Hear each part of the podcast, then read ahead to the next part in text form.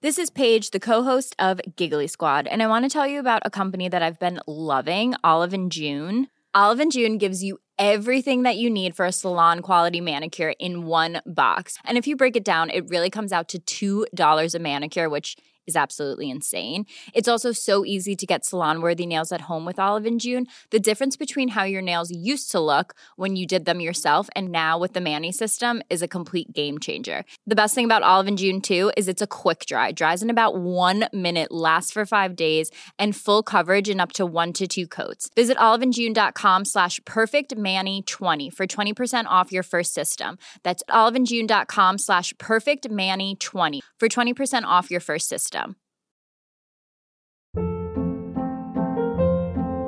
Hold up. What was that? Boring. No flavor. That was as bad as those leftovers you ate all week. Kiki Palmer here, and it's time to say hello to something fresh and guilt-free. Hello Fresh. Jazz up dinner with pecan-crusted chicken or garlic butter shrimp scampi. Now that's music to my mouth. Hello Fresh. Let's get this dinner party started. Discover all the delicious possibilities at hellofresh.com.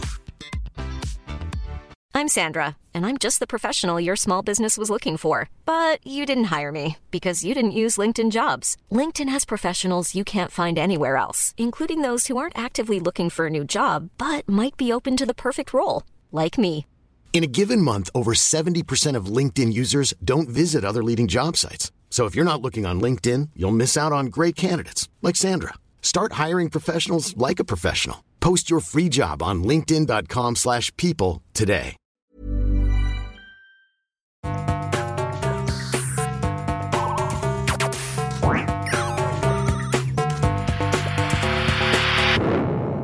Velkommen til Sinnsyn. Jeg heter Sondre Risom Livre, er psykolog, og dette er Webpsykologens podkast. Hverdagspsykologi for fagfolk og folk flest.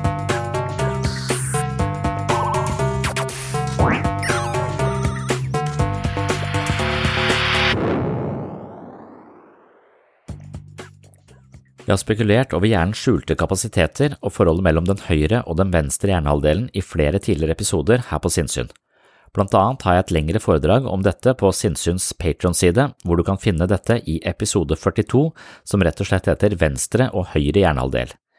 I dag skal jeg krabbe ned i dette kaninhullet nok en gang.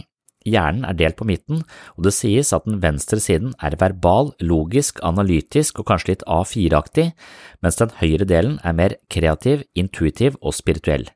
Hvis Gud finnes, er det i den høyre hjernehalvdelen vi eventuelt får kontakt med høyere makter, men for de fleste av oss er ikke denne typen opplevelser tilgjengelig, og noen mener det er fordi vi er mer eller mindre fanga i den venstre hemisfæren i et vestlig samfunn som verdsetter logikk, forutsigbarhet, forståelse og rasjonalitet, hvorpå de mer mystiske sidene ved mennesket undergraves. Hadde vi hatt en litt større åpning til opplevelser i regi av den høyre hemisfæren, kan det tenkes at kontakten til det spirituelle hadde blitt mer tilgjengelig. I tillegg har jeg en hypotese som hevder at det vi kaller selvbildet, er noe som ligger forankra i den venstre hemisfæren. Det er via språket og kategoriseringene våre vi forstår oss selv og verden, og dersom vi har noen litt snevre kategorier knytta til vår egen kompetanse og verdi, er det lett å tolke mye av det vi gjør inn i en forståelsesramme hvor vi for eksempel tolker oss selv som mindreverdige. Hvis du har en kritisk indre stemme, holder den hus i den venstre hemisfæren, og den kan overkjøre alle opplevelser vi har, både fra venstre og høyre, og i så fall er hjernen din verste fiende. Hvordan skal vi forstå dette? Hvordan fungerer egentlig hjernen i ulike moduser fra høyre til venstre, og hva kan vi gjøre for å dempe innflytelsen til den venstrelateraliserte kritikeren mange av oss går med som et evinnelig kommentatorspor til vårt eget liv? Velkommen til en ny episode av Sinnssyn. Yeah, horrible anxiety. Like I live in the city. I don't have a car. I just walk around everywhere. Uh, you guys ever do this one? You guys ever leave the house without headphones? Thoughts are not good. my God, this whole time I thought I loved music. Turns out I just hate my brain. just being attacked all day long by this insecurity playlist on shuffle. Ah, what are you doing with your life? You drink too much. Gonna die alone? You call that a penis? Ah. Oh, bad head. My brain is evil. It like attacks me. It's like a bully. Know? I'll be at a party, hanging out, everybody's having a good time, talking. My brain's like, hey, you weirdo. You're being too quiet. Everybody's wondering why you're such a quiet weirdo. Come on. Get in there, say something, you lunatic. Come on, you freak, jump in, you psycho. Come on, get in there. You finally say something, your brain goes, whew, that's what you picked? Ah, shut up, dummy. Damn it. My brain never stops. I can't sleep at night. I'm a horrible sleeper. That's why I hate these bed commercials you see at 4 a.m. Hey, you can't sleep? Well, how comfortable your mattress? What's your sleep number? How's your firmness? You think lack of comfort's what's keeping me up at night? And that's the problem, really? that's this goddamn Japanese game show I got going up here, right? Yeah, it's the worry, the anxiety, the dread. I don't need a mattress designed by NASA. I need a Xanax of some self esteem, all right? Come on, comfort. I can sleep on a gravel road if I had a good childhood.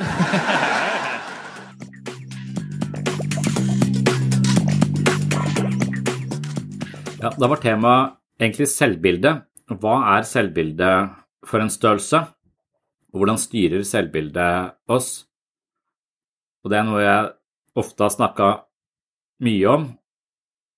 Men det er en ting som har dukket opp i det siste som jeg aldri egentlig har turt å snakke så mye om, fordi jeg syns det er så Man trår alltid feil.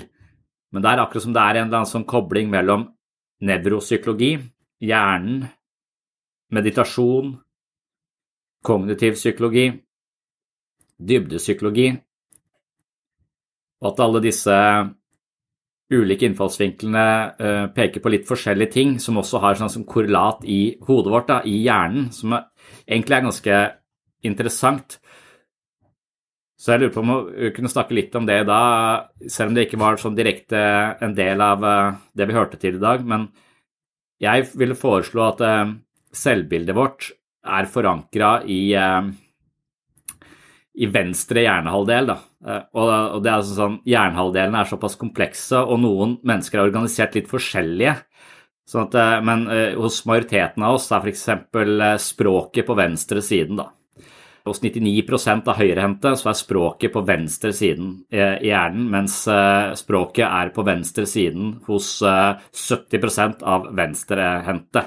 Sånn det, så det er litt, litt forskjellig der, men, men, det er likevel en slags Derfor går det ikke an å si noe sånn bombastisk om hjernehalvdelene, men hjernen er jo en fabrikk som produserer masse opplevelser og styrer hele kroppen, og den er, har mange ulike avdelinger som kommuniserer mer eller mindre godt. Så at det finnes avdelinger i hjernen vår som er spesialiserte for ulike oppgaver, det er man ganske eh, sikre på. Men akkurat hvor de ligger og hvordan de kommuniserer, også, det blir såpass komplekst. Det er jo en ja, Hjernen veier 1,4 kilo, eh, men det er, altså det er som regel 2% av kroppsvekta vår. Mens hjernen står for 20 av energi, eh, energien vår. Den tar 20% av energien, men er bare 2% av kroppsvekta. Så det er et energiintensivt organ som krever ganske, ganske mye. Og så er det spørsmålet da, om kan hjernen og forståelse av, eh, av hjernen også kaste litt lys over hvordan selvbildet vårt er skrudd sammen. Og det tenker jeg kanskje at det, at det kan. For eh, jeg innbiller meg jo at selvbildet er de fortellingene vi har om oss selv. Og de fortellingene, altså det er den venstre siden av hjernen. altså Den venstre siden av hjernen tenker vi er språkbasert, den er logisk, analytisk, liker matematikk osv., mens den høyre delen av hjernen den er mer sånn holistisk eh, orientert. Intuisjonen vår ligger der. De fleste følelsessentrene ligger, eh, ligger til høyre. Eh, det å kjenne igjen ansikter og kjenne igjen følelser i ansikter, det er også sånne høyre, høyreside eller sånn eh, høyre hemisfære egenskaper. Så den, eh, den eh, høyre hjernen er ikke-verbal. Den har en opplevelsesmodus som ikke er, ikke er, verbal, mens den venstre har en verbal, er den verbal, eller sete for det verbale. Og Jeg innbiller meg ofte at det vi tenker om oss selv, er verbalt, vi får en forståelse, vi lager kategorier på hvem vi er, og skriver eh, på en måte Vi fortolker alt vi opplever inn i en eller annen sammenheng og putter det i ulike kategorier, og det driver den venstre hjernehalvdelen med. Så man kan liksom forestille seg at vi, at vi i utgangspunktet var ganske flinke på skolen, hadde det greit og fint, og så plutselig så skjer det noe på hjemmebane, foreldrene våre skiller seg, f.eks. Det blir mye stress, usikkerhet, man er, går rundt og er lei seg, vet ikke helt hvordan man skal håndtere dette her. Og pga. at det så mye kapasitet går med til å bekymre seg for det som skjer på hjemmebane, så detter du plutselig et par karakterer på skolen. Og så etter hvert så går det en stund, og så får du dårligere karakterer, og så får du en kategori som sier at eh, jeg er ikke skoleflink. Eh, og så er det en kategori som da er etablert, som eh, har blitt en sannhet om deg. Og så er det også sånn at denne kategorien da ofte vil søke og få bekreftelse på det den mener å vite om deg. Så mer eller mindre ubevisst da, så går du inn og så forventer du dårlige resultater. Du forventer at du ikke er like god som andre, og så blir det en type sannhet som du lever ut. Det er da en kategori som er skapt i den venstre, eh, venstre hemisfæren, hvis man kan si det på den måten. Det kan man ikke, for det er ikke så, eh, så enkelt. Så, så, da er det liksom en, det en så, så, språket vårt eh, lager kategorier som binder oss til virkeligheten. Men språket vårt det kan også oversette opplevelsene våre og gi det et språk, sånn at vi kan på en måte ta det med inn i analysen og forståelsen av oss selv. Så språket kan på en måte være noe som tjener oss, eller noe som styrer oss. Så vi kan enten eie språket, vi kan, vi kan utvide horisontene våre med det, eller det, det, binder oss til snevre fortolkninger. Så den, den venstre hjernehalvdelen, den, den forklarer alt vi opplever. Og mange opplevelsene og mange av følelsene våre foregår på høyresida, og så tar vi det over i det venstre, og så skal vi forklare det. Men idet vi forklarer det, så vil vi også gå glipp av et eller annet. For det er ikke, den opplevelsen er ikke språklig, og så må vi oversette den til det språklige. Og der, sånn, der skjer det av og til misforståelser. og kan det hende at vi kan tenke på psykisk helse som god kommunikasjon mellom venstre og høyre? At venstre og høyre forstår hverandre godt da, eller, eller har et nært samarbeid? Og så ser man f.eks. på mennesker som har opplevd mye traumer, at kommunikasjonen mellom venstre og høyre hjernehalvdel er litt svakere. Og så ser man også på, på, folk som hadde epilepsi for noen år siden, at de kutta corpus colossum, så at de, to hjernehalvdelene ikke kommuniserer i det hele tatt. Noe som eh, det går an å leve med, men du får veldig masse sånne merkverdige symptomer. Og jeg innbiller meg litt at eh, vi lever i en verden som favoriserer den venstre, logiske, analytiske hjernehalvdelen. Mye terapi går jo ut på hele tiden sette språk på ting, eh, og, og i det vi det kan være sunt. altså Mye kognitiv psykologi går ut på å se på disse kategoriene. Hvor har du disse kategoriene som bestemmer livet ditt fra? Eh, er, liksom, språket vårt er det vi bruker for å lage kart over virkeligheten. Men vi må huske at kartet aldri er en direkte gjengivelse av virkeligheten. Og Det er derfor jeg sier alt du tenker og føler er feil. Så hver gang vi tror vi vet noe om oss selv, så er det en fortolkning. Vi leser et kart av oss selv. Og det kartet kan være totalt feil, og ofte så er det, er det feil. Det kan være at folk har fortalt deg at du er en dust, og så har du skrevet det inn på kartet ditt. Ja vel, jeg er en dust, da er det det jeg skal orientere meg eh, etter. Det trenger ikke å være noen objektiv sannhet i det hele, hele tatt, men vi kan ta det, eh, ta det som om det er det.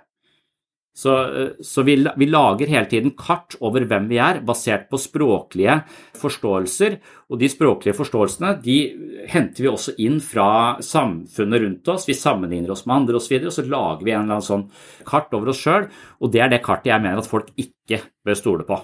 Det er det kartet som, eh, som, eh, som ofte lurer deg inn i ganske destruktive forståelser av deg sjøl. Men du kan også ha kart som, eh, som sier masse positivt om, om, deg selv, som du egentlig heller ikke kan stå inne for, men det er litt lettere å, å, leve med, sannsynligvis. Så da kan man også få denne, denne diskrepansen mellom når, folk, når jeg sier alt du tenker og føler er feil, så jeg skal ikke stole på meg selv. Så kan, kan du kanskje nyansere det. Nei, du skal ikke stole på alle forklaringene du har på deg selv som hører til i venstre hjernehalvdel, men opplevelsene dine fra høyre side, de kan du ofte kanskje stole litt mer på. Og der du har magefølelse, der du har en intuisjon, en slags opplevelse av noe, men med en gang du forklarer det inn i kategorier som ikke passer, så har du eh, Det har oppstått en type konflikt i det, og, eh, og det er kanskje der folk føler seg falske også. Jeg beskriver meg selv, men jeg føler ikke at min beskrivelse av meg passer helt, for jeg klarer ikke helt å sette ord på hva jeg egentlig, egentlig mener. Og Det er en slags sånn eh, oversettelsesproblem da, eh, mellom den venstre og den høyre, eh, høyre hemisfæren inni, inni huet vårt.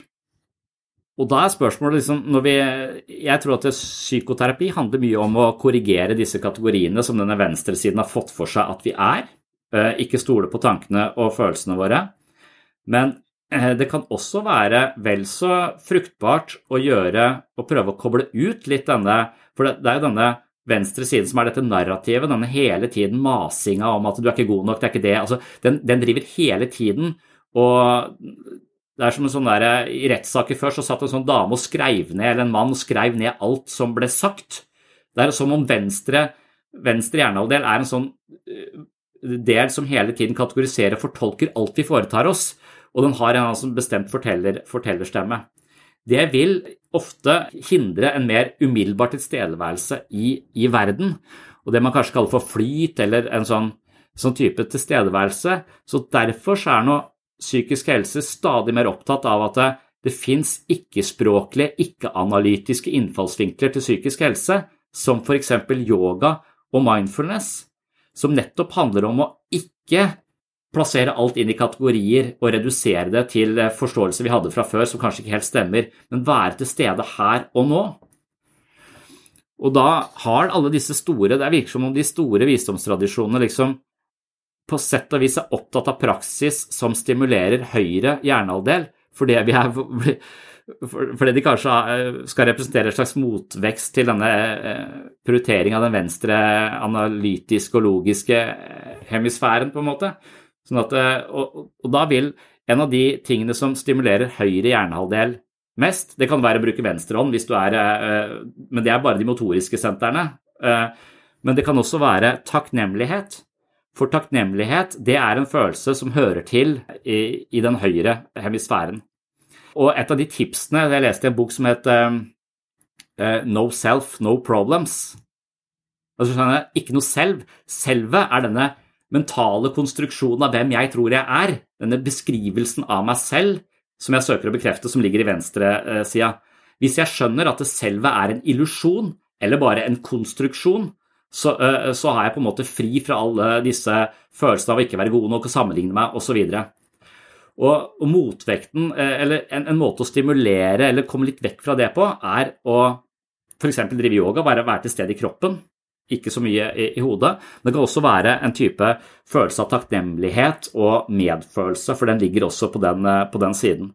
Og det motsatte av takknemlighet, det er å være misfornøyd. Det har vi snakket om tidligere. altså Det å være misfornøyd det er nesten det som gir litt sånn sosial kapital. Det er nesten alltid det jeg pleier å si til folk når jeg møter dem, er hva som er feil, og hva som er kjipt, og forbanna pandemien. Altså, Jeg driver og klager en del. Som hele tiden er denne venstre kategorisering av hva som er bra, hva som er dårlig, hva som er bedre. Altså hele tiden aldri helt fornøyd der den er. Så, så det er en slags mating av denne misfornøydheten som sannsynligvis påvirker livet mitt eh, ganske negativt. Mens det motsatte av å være misfornøyd, det er å være, eh, være takknemlig.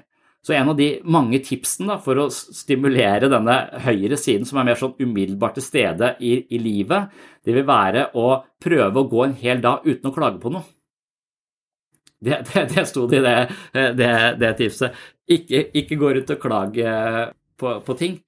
Men eh, det gjør oss litt uh, uinteressante. For hjernen vår er så skrudd sammen på den måten at den tar til seg informasjon om ting som er gærent. For det, det besørger en form for overlevelse. Så det å vite om farer og ting som er fucked up, det, det er vi interessert i.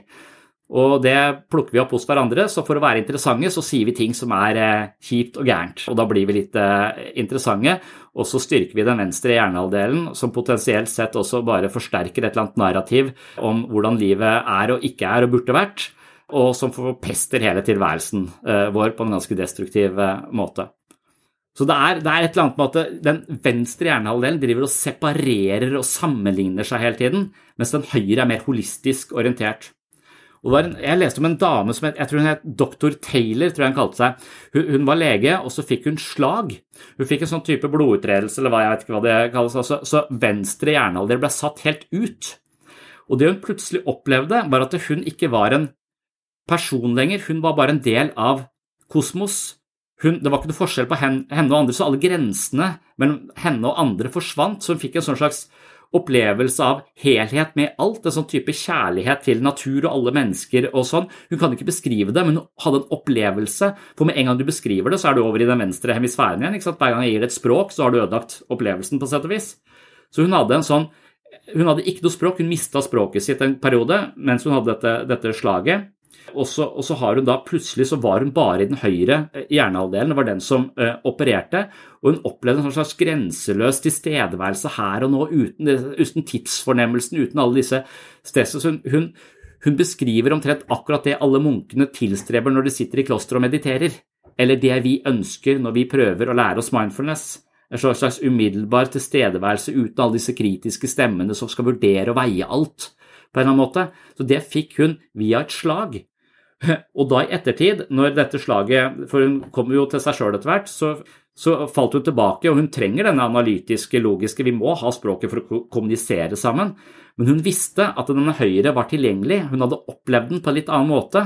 Så hun skjønte at det var en mulighet til å, til å velge litt hvor hun skulle være. Så hun skapte en sterkere bro mellom disse opplevelsesmodusene. Da. Det å være umiddelbart til stede i noe kontra det å vurdere det der du er. Prestasjonsangst er en kronisk vurdering av om du gjør det, gjør det bra nok. Så For mitt vedkommende så er dette jeg, får, jeg, har en kollega som driver og psykoanalyserer meg hele tiden. Han mener at jeg har en sånn ja, jeg husker ikke, Det er en eller annen del av min personlighet som er um, utvikla på tiårsstadiet. Det stoppa på tiårsstadiet. Og det gir mening for meg, for det er den det er den jeg prøver å vekte liv nå. Det er denne mer fysiske, umiddelbare tilstedeværelsen som jeg prøver å stimulere ved å stå på snowboard, gjennom skateboard osv. Der er jeg mer høyere utvikla. Men, men når jeg drev med fotball, så kom denne kritiske stemmen inn når jeg var 10-12 år, tror jeg. Altså, Jeg måtte på førstelaget, jeg måtte være god nok, så istedenfor å bare være til stede i spillet, så begynte jeg å vurdere meg selv via andres blikk. altså Andres blikk og vurderinger flytta nærmest inn i meg og ble en sånn slags følelse av at jeg ikke kunne være spontant til stede i dette, for jeg måtte prestere på et eller annet nivå jeg ikke var helt sikker på om jeg kunne. Så denne tvilen, denne konstante vurderingen av meg selv kom inn og ødela spillet. Så til slutt måtte jeg slutte på fotball fordi jeg ikke orka det mer. Så han påpeker denne konflikten som da skjedde på fotballbanen, hvor jeg da henger igjen sånn eh, emosjonelt utvikla når det gjelder disse motoriske tingene. Så, så, det å bare kunne være til stede i kroppen og ikke Det er det jeg mangler. Vi snakket om det sist, jeg husker ikke om det var her, men altså det å kunne danse, bare være til stede i kroppen, det kan jo ikke jeg. For den venstre kommer inn og sier du er teit, du ser dum ut. Altså, jeg, sånn som riverdance eller linedance, tenker det er det teiteste som fins. Og det er jo bare bevegelser til musikk som ser veldig rart ut. Men det er jo fordi jeg har kategorier som sier og slår ned på det og syns at det er noe noen fordommer i venstre hjernehalvdel her som ikke tillater meg å være spontant til stede i linedance, med mindre jeg er så full at jeg ikke kan stå på beina, og da kan jeg heller ikke danse linedance. Så, så det gir mening å ikke alltid bare, eller i hvert fall alt du tenker og føler er feil, er en slags eh, direkte angrep på den venstre hemisfæren, tenker jeg av og til når jeg har begynt å tenke på denne med hjernen igjen, selv om hjernen ikke er så enkel som, vi, som fremstilles nå. Og det å da klare å stimulere, også være mer til stede og se på kunst, hører til i høyre. Helhet hører til i høyre. Følelser hører til i høyre. Og når vi da bare tar de over og plukker de fra hverandre og analyserer de, så, så kan vi i verste fall forandre de. Og jeg tror kanskje det er det som er det store problemet med med alvorlige sinnslidelser som schizofreni osv., er at opplevelsesmodusen som ligger i høyre, følelsene, de kommuniserer så dårlig med det venstre, så de klarer ikke å uttrykke disse følelsene på noen som helst måte, og da mister de også kontakten med andre mennesker. For det er via denne oversettelsen av følelsene våre at vi også kan binde oss til andre. Så, så de, de, de, mangler eh, Og da blir de ofte veldig alene når de ikke klarer å oversette noe av det som foregår inni deg, og gi det et språk, så det er mulig å, mulig å forstå det. Så man kan nesten si at det, veldig mye psykoterapi handler om å styrke sammenhengen mellom venstre og høyre hemisfære, fordi at vi sier rett og slett språk på følelser. Gi det et språk.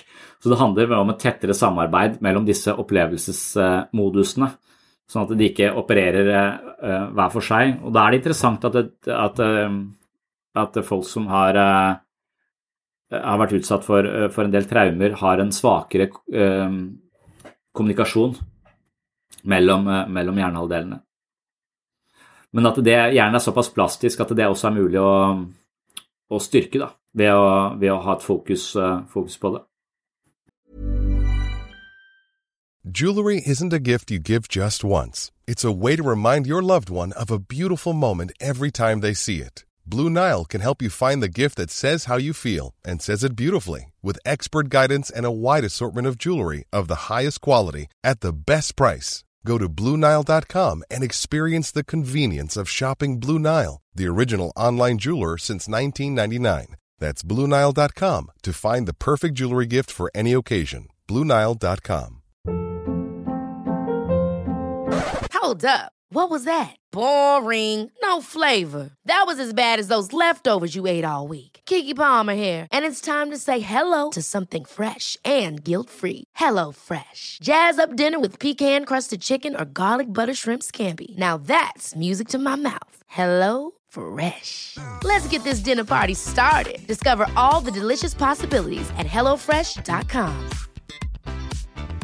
Hey, it's Ryan Reynolds, and I'm here with Keith, co star of my upcoming film, If, only in theaters, May 17th. Do you want to tell people the big news? All right, I'll do it. Sign up now and you'll get unlimited for $15 a month in six months of Paramount Plus Essential Plan on us. Mintmobile.com slash switch. Upfront payment of $45 equivalent to $15 per month. Unlimited over 40 gigabytes per month. Face lower speeds. Videos at 480p. Active Mint customers by 531.24 get six months of Paramount Plus Essential Plan. Auto renews after six months. Offer ends May 31st, 2024. Separate Paramount Plus registration required. Terms and conditions apply if rated PG. For det er språket som lager kartet, det er språket som gir forståelsen. Det er, det er, det er den språklige bevisstheten vi hele tiden er i. For når vi bare hører dette, så kan vi høre dette tror jeg ikke noe på, dette er bare tøys. Ja, det var kanskje litt interessant. Altså, det er hele tiden språk som, eh, som opererer når vi skal forstå, forstå ting.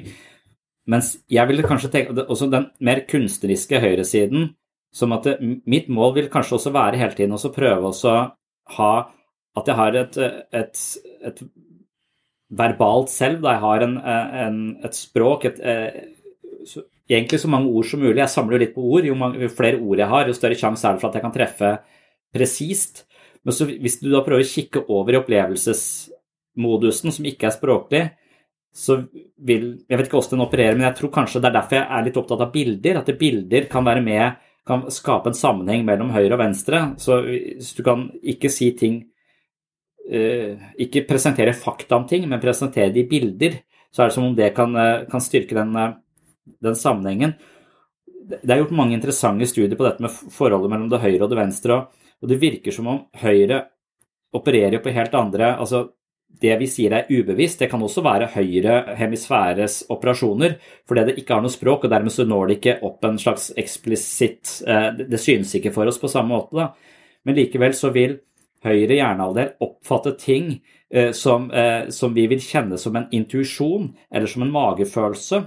Og det tar lang tid Det kan av og til ta lang tid før venstre oppfatter det eller forstår hva som foregår, og veldig ofte så vil venstre avskrive det, det, som foregår i Høyre. Og Et eksempel på det er at det, du setter folk i en sånn test hvor det er to kortstokker, og så det ene Så skal du på en måte vinne penger. Eh, eller eh, vinne poeng.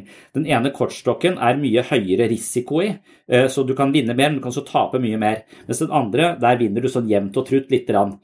Og det tar ofte mellom 50 og 70 forsøk før, folk, før den venstre hjernen klarer å forstå at det er en forskjell på de to. Mens den høyre oppdager dette på et mye tidligere tidspunkt, men i og med at det ikke er tilgjengelig for innsikten vår, eller vi har ikke gitt det et å ja, det er, større, det er større risiko på venstresida her enn det er på høyresida, så har ikke vi noen eksplisitt forståelse av det. Men når vi da går mot uh, høyrisikokortstokken, så merker man at kroppen svetter mer, uh, hjertet slår fortere. Så det er et eller annet i oss som har oppdaget forskjellen mye før den analytiske delen av oss har oppdaga forskjellen. Og Det er der denne intuitive delen kommer inn, og jeg tror det er der den alternative bransjen også opererer ganske mye. Og Det kan godt være min venstrehemisfære avskriver mye av det som skjer i det alternative, fordi altså, du kan gå ut på morgenen og se at i dag er det, bare, dag er blå himmel. Det er ikke en sky på himmelen. Men så er det noen som tar med seg en paraply i tilfelle, og så begynner det å regne klokka ett. Hva er det? Det var ingen grunn til det. De hadde ikke sett på værmeldingene. Det er en slags intuisjon. Det kan være at den høyre hemisfæren opererer på noen eh, måter å forstå ting på som ikke er tilgjengelig. Og den venstre vil si tilfeldigheter, visvas, flaks.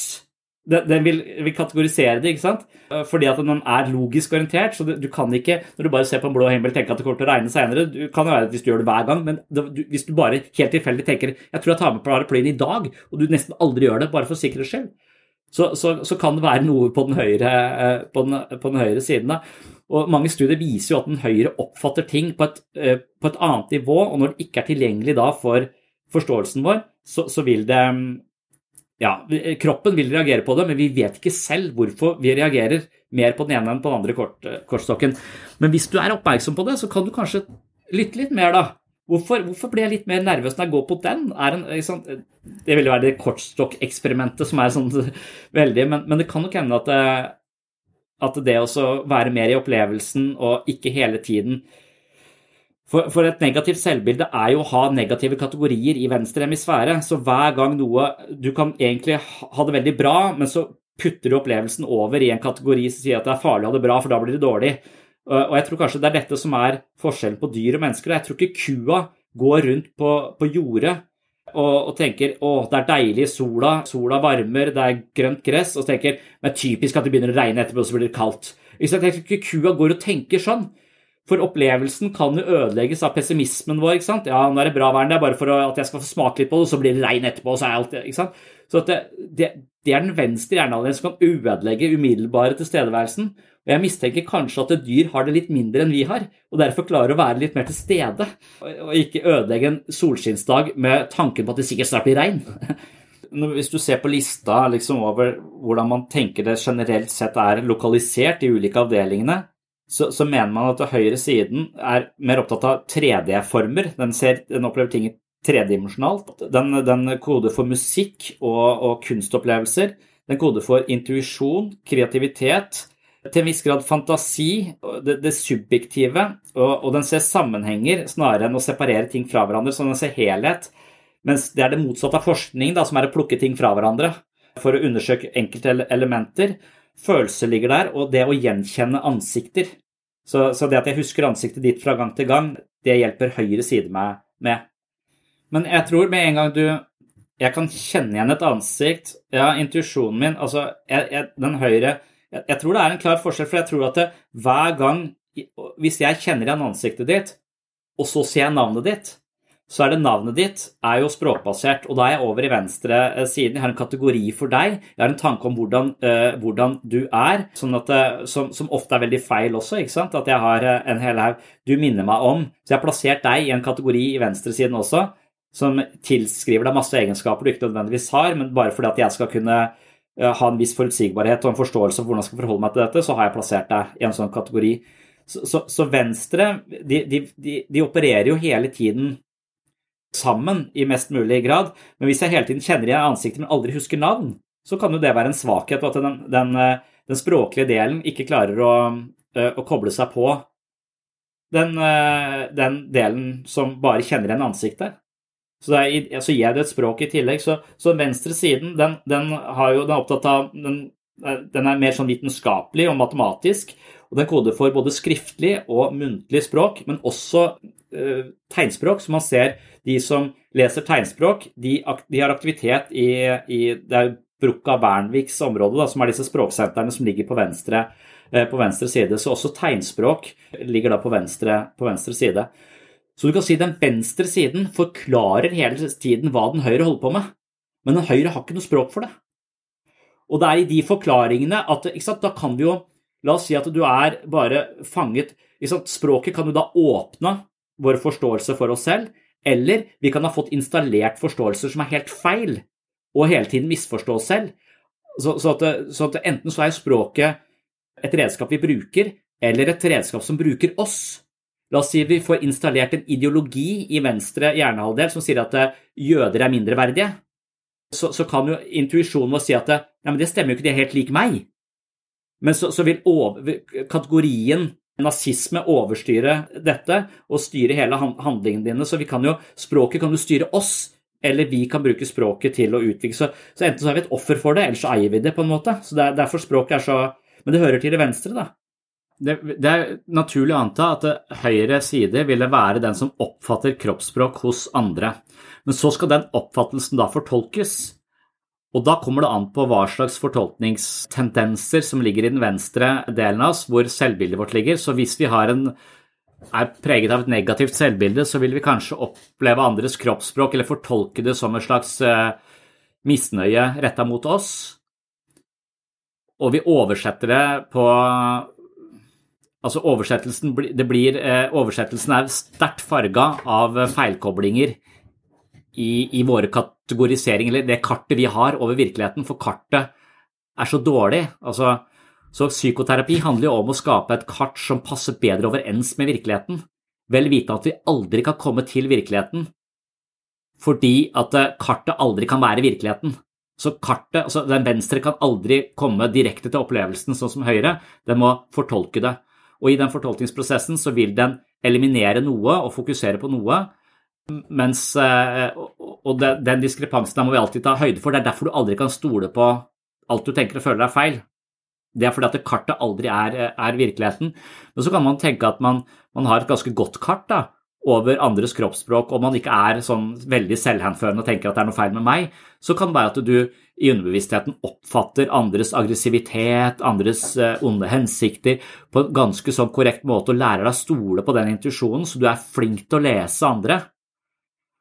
Noe som vil være veldig bra hvis du f.eks. møter folk som er litt sketchy og prøver å lure deg, så kan det være at det er et eller annet i magefølelsen som sier her er noe som skurrer, men så kan den venstre si nei, det er bare fordi du er fordomsfull og, og, så, og, så, kan du likevel bli med på noe som, eh, som sørger for at du, du, havner i heisen på en eller annen måte.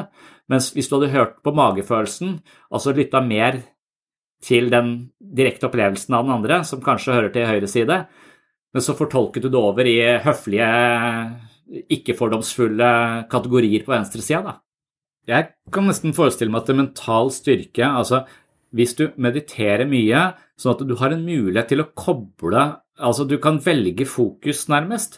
For, for meg så ville det være en enorm gevinst hvis jeg kan være av og til umiddelbart til stede i en fotballkamp uten å tenke på hva de andre på laget måtte tenke og mene om mine ferdigheter.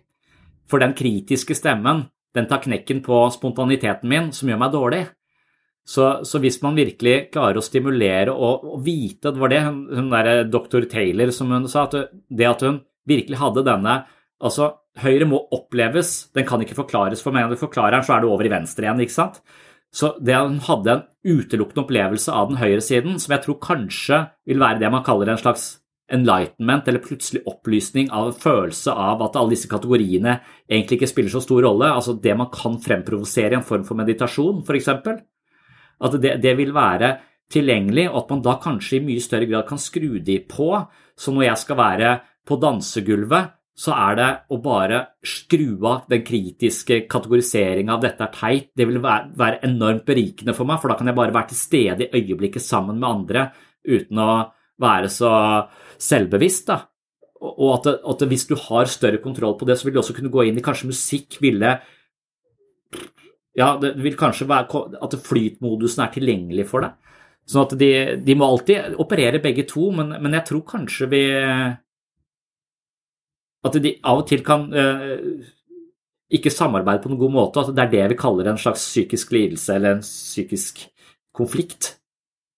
Vi vil kanskje ha kontroll på at vi kan bruke ulike former for uh, innfallsvinkler til livet i ulike situasjoner. Noen ganger så er det jo lurt å være analytisk, og, sånn, du, du, trenger å kunne formidle dette, mens andre ganger så er den spontane tilstedeværelsen det som virkelig gir livet kraft og, og, og mening. Så, så, så Du har folk som er da sånn hardcore analytiske hele tiden. De vil jo avskrive alle former for intuisjon og, og opplevelser. Vil kanskje ikke ha noen opplevelse av kunst. De vil, ikke, de vil alle disse opplevelsene som vi vanskelig kan sette ord på, men som bare er noe fantastisk. Denne, dette, dette, dette, musikkstykket eller dette kunstverket, det bare, det bare, grep meg i magen, liksom. Jeg ble bare stående og stirre på, denne, på dette maleriet i en halvtime, og jeg merka ikke at jeg hadde stått en halvtime engang.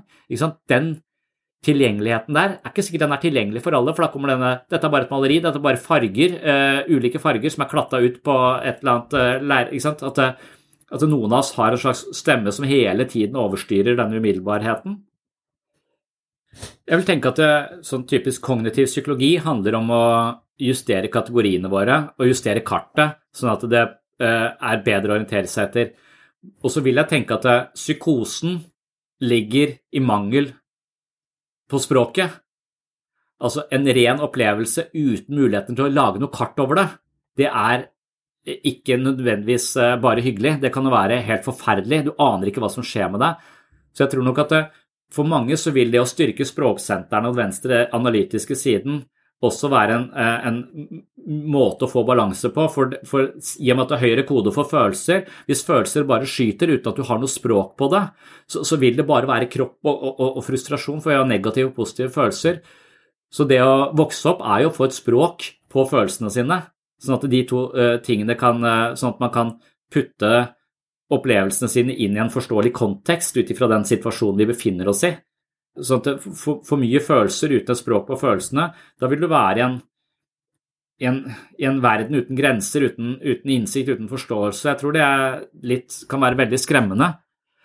For hun som plutselig kobla ut venstre, så var det en følelse av at jeg og verden er ikke forskjellig. Det er den opplevelsen du hører sånne munker snakke om. Altså, det, er ikke noe, er ikke noe separasjon mellom meg og deg. Vi er ett, vi er mennesker, vi er eh, organismer. Vi, vi, det er bare en hel liksom denne fornemmelsen av ingen grenser, alt er grenseløst, alt er det, kan sikkert være, hvis du er på et godt sted, en sånn guddommelig opplevelse, da. Det kan også sikkert være en skrekkinnjagende opplevelse å ikke eksistere, nærmest. Altså, eller sånn. Så, så, jeg, så, jeg, tror absolutt at det er veldig mange som har masse følelser, trenger å få mye mer språk, sånn at de følelsene blir eh, forstått. Sånn at reaksjonene våre eh, gir mening. Jeg tror Det er jo det er jo Venstre som skaper mening i ting, som gir, tilskriver ting en forståelse og mening som er mer eller mindre riktig, da, men alltid litt feil. Dette er liksom rasjonale bak kunst- og uttrykksterapi også, vil jeg tenke. At eh, det handler om å uttrykke eh, noe som ikke nødvendigvis er fanga i språket, men i etterkant prøve å gi det språk så du kobler disse to dimensjonene. Jeg tror det gir mening når det, mm, når det handler om angst, å differensiere den følelsen og forstå den på ulike måter, sånn som Freud snakket om prestasjonsangst f.eks. og realangst. Så realangst er en reell frykt for noe som er farlig, mens prestasjonsangst er mer en slags uh, uh, diskrepans mellom standardene du har satt deg for hva som er bra, og hva du egentlig klarer å prestere, sånn at det er en konflikt i deg, i deg selv. Så jeg vil si at mye av min angst handler om kategorier i mine mine kart over virkeligheten. Så, jeg, jeg, så mens den venstre siden driver og separerer og deler opp og sammenligner Jeg og deg er forskjellige, og vi kan uh, ta en test, og så viser det om jeg eller du er bedre eller dårligere enn hverandre, og det definerer vår verdi. Så det er en slags separasjon og, og sammenligning. Og den sammenligningen, den frykten for å ikke score best på de testene osv., det genererer en følelse av tilkortkommenhet som, som, jeg er redd for, fordi det gir meg mindre verdi som menneske. på en måte, Så at det, prestasjonsangsten er generert av kategorier og separasjon og, og forståelse for hva som er konstituerer et verdifullt menneske. Eh, og ofte da på helt feilslåtte måter, sånn at jeg vurderer min egen verdi avhengig av hvor godt jeg spiller en fotballkamp. Mens den høyre, hvis jeg hadde kobla helt ut den, så hadde jo ikke jeg sett at vi var forskjellige. Vi, vi var liksom, Den der følelsen av helhet og, og, sammenheng. Eh, da er vi ikke i konkurranse med hverandre mer, så du har kanskje mer sånn så Hvis jeg hadde klart å koble ut så Mye angst genereres av mine kategorier i venstre eh, side. Mens den reelle frykten, realangsten, vil kanskje være noe høyreside plukker opp. For jeg ser noe i ansiktet ditt som gjør at jeg tenker du kan være farlig for meg, og du har noen hensikter som jeg ikke egentlig kan forstå, men som jeg bare kjenner i magen. Derfor holder jeg meg unna. Så det er kanskje realangsten som dukker opp ved å lese verden på den måten. Mens veldig mye Det genererer sikkert angst på helt ulike måter. Så hvis du skal stole på følelsen, så bør du da kanskje stole på den høyere realangsten, mens prestasjonsangsten er jo et resultat av uh, operativsystemet ditt, selvfølelsen din, ideene om hvem du er og hva som er bra nok, som ligger på venstre, venstre side. Så det vil jo være angst overalt, eh, i både høyre og venstre, men litt ulike varianter av det, og kjenne igjen de forskjellige så, så, mange mennesker, så det å se innover er jo litt sånn Det å ha et kart på hva som foregår på innsiden, det er der, når vi blir introspektive, at det blir viktig. Og noen mennesker har kanskje ikke sett nok innover, har ikke vært introspektive nok til å ha et spesielt godt kart over hva som foregår, og hva som er forskjellen på det. Sånn at de vil oppleve at det å bli andpusten når man trener, er det samme som angst. Fordi at kroppen reagerer helt likt når jeg, når jeg ble slått ned på gata, som når jeg er på spinning på spikeren. Så dermed så, så, så, har man ingen Man klarer ikke å differensiere disse to, to, tingene fra hverandre. Og da har man virkelig lite sinnssyn, da kanskje. Altså man har lite mindsight, evnen til å se sitt eget sinn. Få kart over hva som foregår. Og det er vel Målet her er vel å skape de karta over vårt indre liv, men samtidig så bør vi også tenke at hm, men hva hvis jeg er så analytisk at alle følelsene mine blir bare analysert i hjel, og jeg har så mange kategorier og alt mulig, så kanskje egentlig istedenfor å drive og analysere mer nå, skal begynne på yoga og skal prøve å stimulere og gi høyre hjernehalvdel mer vekt og tyngde og utgjøre litt mer av min mentale økonomi, sånn at jeg ikke hele tiden driver og vurderer og veier og analyserer og slår alt i hjel. Så det å være spontan og umiddelbar vil være mitt uh, hovedprosjekt for å komme meg ut av den grøfta jeg sitter i nå. Og da er spørsmålet hvordan gjør man det? en, en, annen ting jeg har tenkt på, er at uh, jeg tror eh, religion f.eks. er er opplevelser fra høyresiden en type helhet, tilhørighet, noe som en, en slags høydepunktsopplevelse som, som er vanskelig å sette ord på. Eh, den bare Altså, men drøm er kanal til Du kan huske hva du drømmer, du klarer ikke helt å beskrive det. Og hver gang du prøver å beskrive det, så mista du liksom kvaliteten ved drømmen. Sånn at religion er venstre hjernehalvdels eh, beskrivelser av høydepunktsopplevelser, og så blir det helt stusslig. Eh, når, når venstresiden så, Ja, da skriver jeg dette ned i en bok jeg kaller Bibelen, og så, og så, og så blir det bare helt sånn.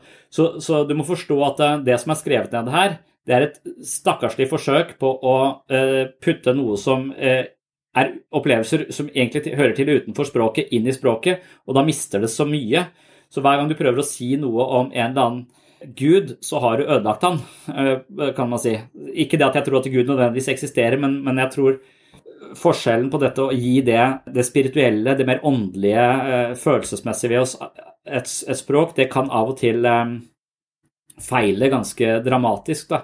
Så, så vi må, dermed så må vi med språket alltid huske at dette her er kart eh, over opplevelser. Så istedenfor å lese det som absolutte eh, sannheter, hvor du tror at kartet er virkeligheten, Jesus sto opp fra de døde, Nei, det kan være bare en slags eh, måte, en drømmeaktig forståelse av en type åpenbaring eller ja, et eller annet. ikke sant? Så, så du, du, du, må ta det tilbake igjen. Du må, du, du må tenke at all, alle disse kartene aldri er eh, en direkte gjengivelse av eh, terrenget. Og, og, da kan man kanskje få mer, eh, få mer, ut av det også. Og da er man mer leken. Sånn at, så, så, jeg tror mangel på lekenhet er å tro at kartet er virkeligheten. Og lekenheten blir mulig når du skjønner at alle tankene dine er ikke sanne. De representerer noe, og de kan være fullstendig feilaktige, men de er aldri en absolutt. Og da, så lenge de ikke har så stor kraft at de Så, så, så hvis, hvis, du, hvis, du, sier til meg at du er en ufordragelig person, og det blir en sannhet for meg, som er absolutt sann, så, så blir den eh, ekstremt tung å bære. Det er ikke mulig å leke med den, og jeg vil ikke komme unna den, den vil slå meg i bakken. Men hvis jeg sier ok, det er fordi du er sint på meg nå, altså jeg kan ha det, det er ikke nødvendigvis en sannhet, det kan representere noe her, så kan jeg liksom forholde meg til det en, mer, som, som, et kart. Det er, ikke, det, er ikke, det er, ikke, en direkte nøyaktig beskrivelse av meg, men det er eh, noe som har oppstått mellom oss, som hører til hos deg, litt hos meg, begge deler. liksom sånn. Så den lekenheten handler om å alltid huske på at tankene og følelsene våre er kartet. Og det er jeg, og det er det jeg mener å si med alt du tenker og føler er feil. Ja, Det er også en sånn teori om, eh, om, psykoterapi, at det handler om å i vårt indre liv behandle det med en slags metaforisk distanse, på en måte. Så at hver gang vi klarer å sette en metafor altså Det er noen terapeuter som kun opererer i metaforer. Det er metaforene som er eh, Det skaper denne, denne ja, en slags metaforisk distanse til vårt indre liv. Og at det er en slags lek med vårt indre liv, er å gi det bilder, og, og ikke beskrive det som noe sant, men som, som et bilde. Så jeg tenker at det, når, når vi tenker på vårt indre liv som et pukkverk eh, kontra en sandkasse, så er et pukkverk noe jeg assosierer med noe skarpt og tungt og farlig. Svære steiner kan slå deg i bakken, mens en sandkasse er mer forbundet med lek og, og, og så videre. Så det, det å ha de to ideene, det er jo ikke en det, det, det, er en måte å leke med Vi bruker språket ja, Lek med språk er metaforer, kanskje bilder. I ACT så snakker de om å være mentalt fleksibel, og jeg tror det er liksom å kunne leke med språket også, og så gi deg ikke For det motsatte av mental fleksibilitet, det er jo bokstavtrohet, liksom. Det er jo å ha en eh, Jeg er ikke like bra som alle andre. Det er en sannhet, og jeg har tusenvis av bevis for det.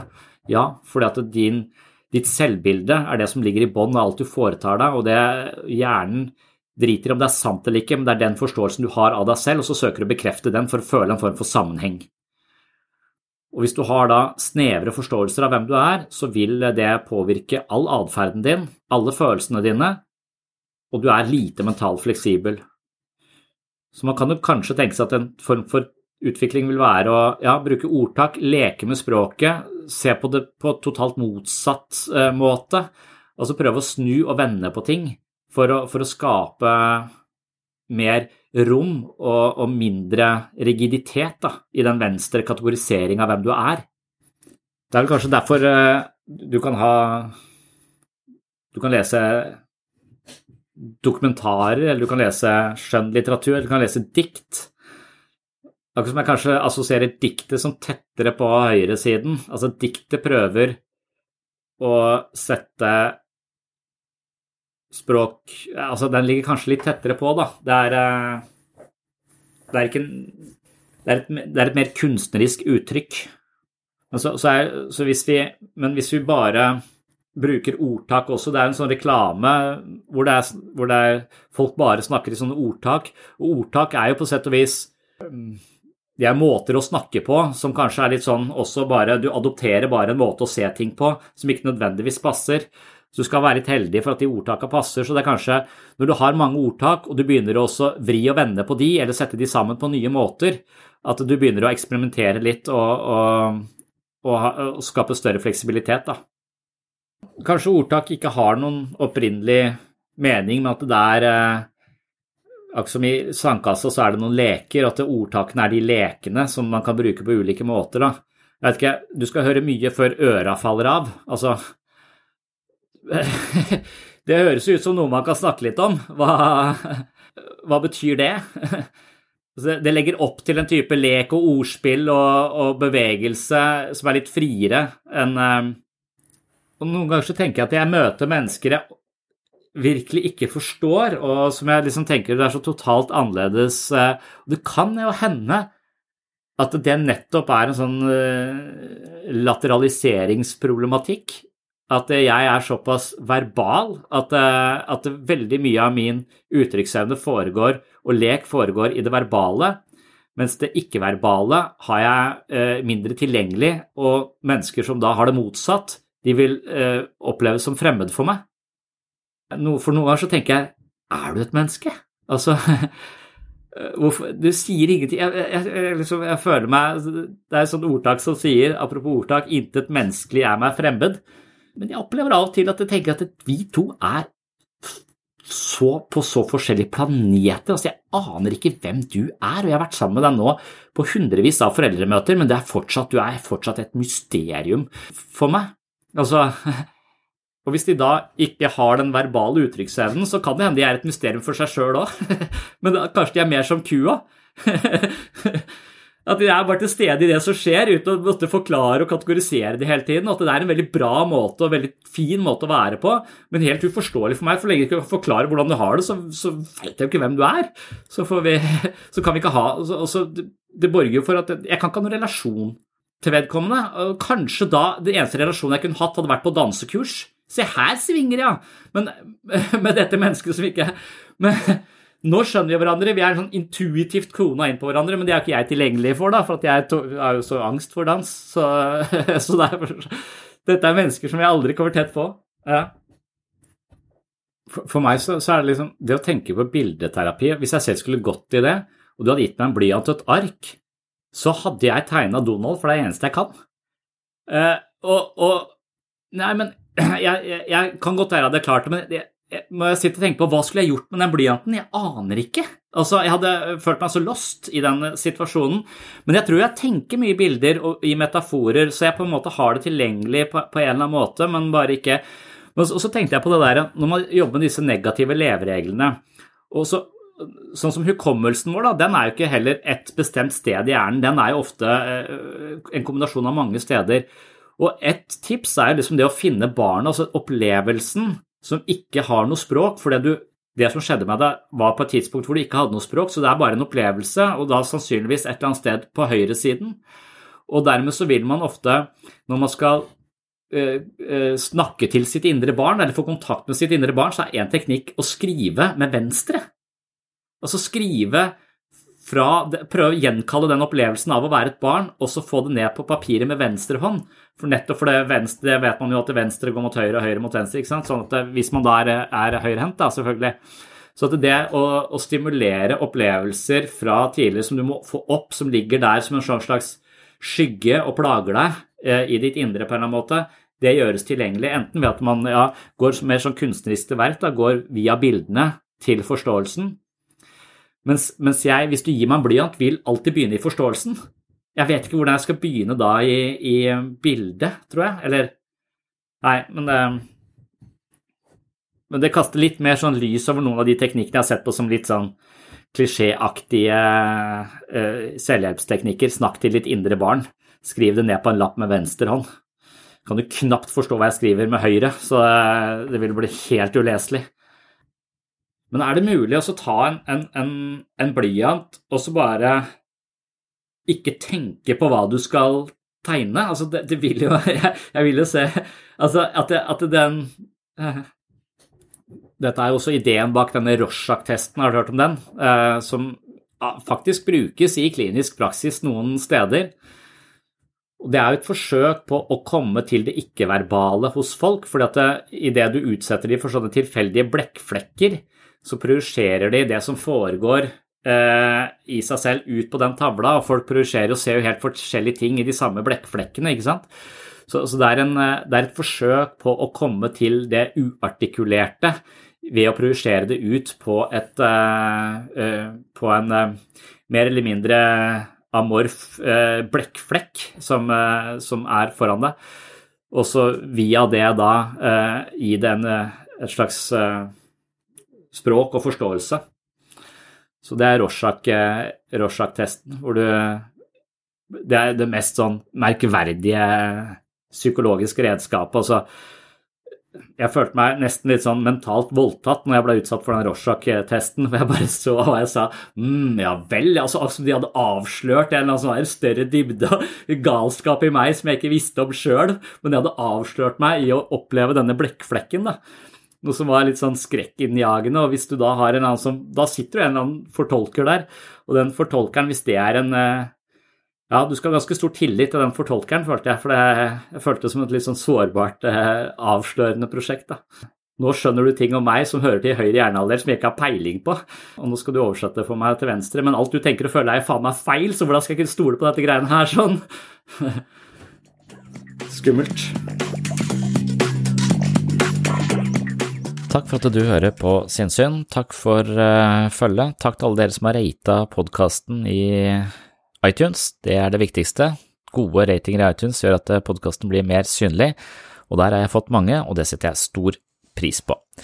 Tusen hjertelig takk til alle dere som kjøper bøkene mine fra webpsykologen.no, og tusen hjertelig takk til alle dere som er patron-supportere av Sinnsyn. Som alle nå vet, så er det altså en patron-side, patron.com for segs sinnssyn, hvor man kan gå inn og skaffe seg et abonnement på sinnssyn, eller det jeg kaller mitt mentale treningsstudio, så får du masse ekstramateriale fra denne podkasten hver eneste måned. Det var det jeg hadde for denne gang. Ny episode rett rundt hjørnet. På gjenhør!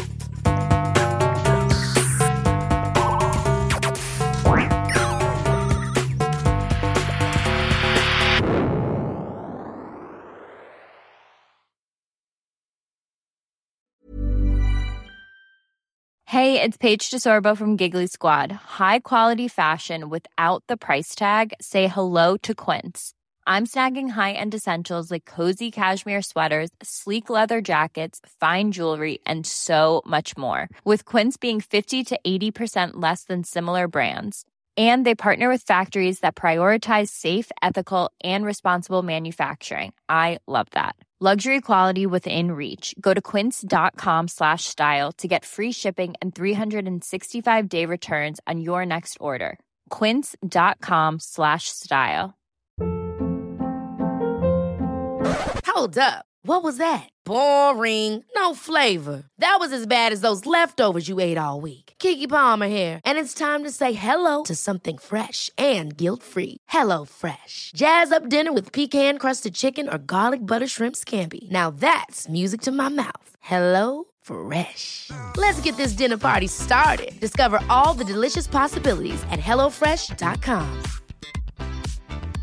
Mom deserves the best, and there's no better place to shop for Mother's Day than Whole Foods Market. They're your destination for unbeatable savings, from premium gifts to show-stopping flowers and irresistible desserts. Start by saving 33% with Prime on all body care and candles. Then get a 15-stem bunch of tulips for just $9.99 each with Prime. Round out Mom's menu with festive rosé, irresistible berry chantilly cake, and more special treats. Come celebrate Mother's Day at Whole Foods Market.